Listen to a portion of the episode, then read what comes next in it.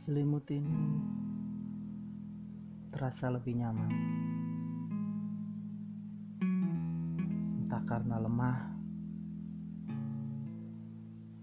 atau lagi tidak ingin untuk membangkitkan selera. Di luar tidak banyak terasa butiran air. Dalam udara ini terasa panas. Panas yang sangat menggetar. Yang mencoba memasuki sela-sela air. Secara perlahan, satu demi satu. Bersama dan sendiri.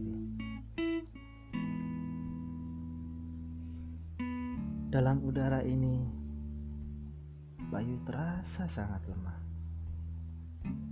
Tidak dapat berbuat banyak.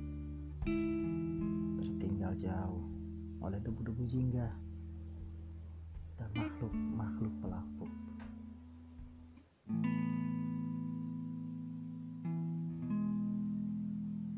Dari dekat, asa tipis itu datang.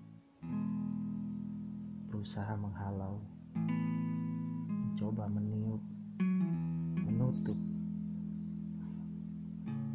Hari demi hari. Tetapi terhisap lagi, lagi, dan lagi. Sampai tidak ada lagi. Kini yang tertinggal hanya rasa yang menyakitkan, menghilangkan selera, membuat hari-hariku semakin pucat, mengeringkan hidup di aliran yang. Tempat tidur ini terasa sangat memikat, tapi saya harus berdiri. Berdiri, mencoba berjalan, menembus tipis-tipis hari, jingga, asap, bayu, air, panas,